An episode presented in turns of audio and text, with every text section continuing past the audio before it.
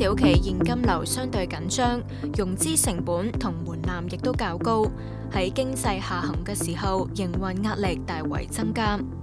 香港初创企业分批睇准中小企嘅资金缺口，推出新型风险评估模型，协助客户融资。诶，分批系一间以即供应链金融为中心，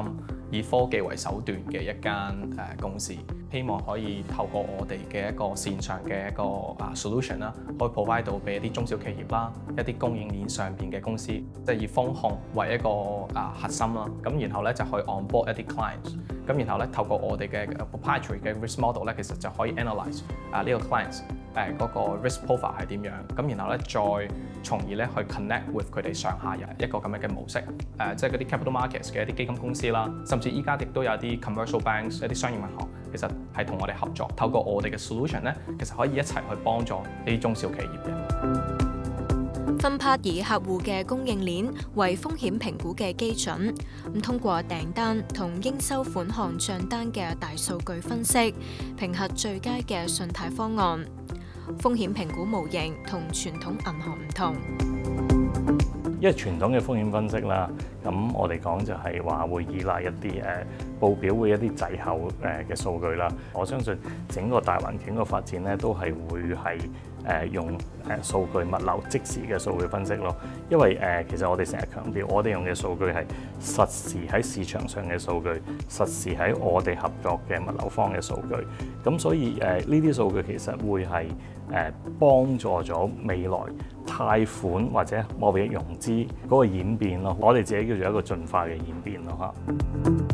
從佢成個 supply chain 入邊，佢哋啊由 procurement 啦、manufacturing 啦、shipping 啦，甚至係啲 sales 嘅數據 combine 埋出嚟嘅，我哋可以計到嘅個 score，同埋計到嘅一啲誒風控嘅水位控制啦。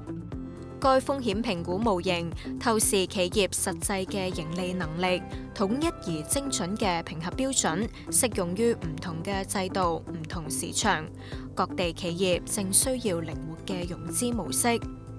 過去一兩年咧，我哋開始收到多咗一啲中亞地區嘅 i n q u i r i e s 嘅一啲中亞地區嘅一啲 local trader，佢哋同一啲中國嘅公司合作 form JV 或者係 trading business，咁但係佢哋需要 financing，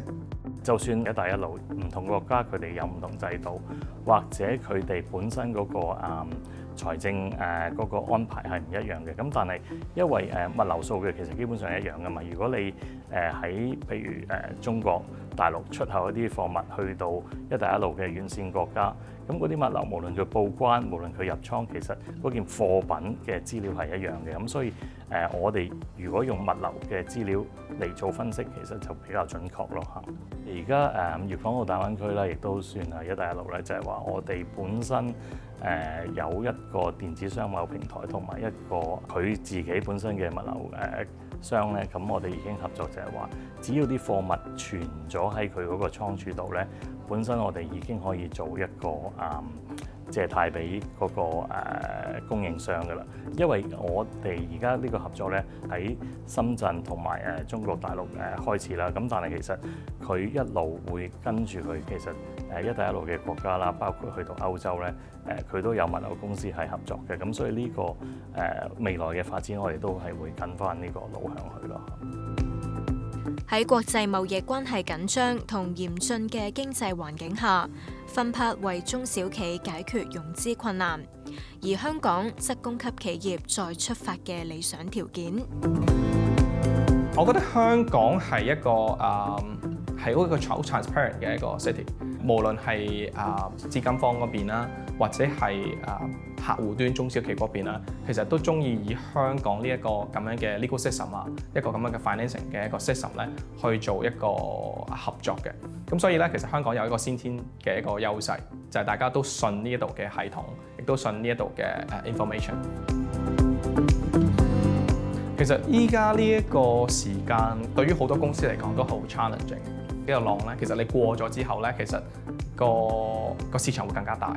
即係無論個 rebound 啦，或者無論係嗰個 competition 咧，其實相對嚟講咧，可以俾到我哋嘅客户咧更加多嘅空間去 grow 嘅。所以誒，我哋嘅角度最緊要係繼續 support 到啊，我哋需要 support 嘅客户。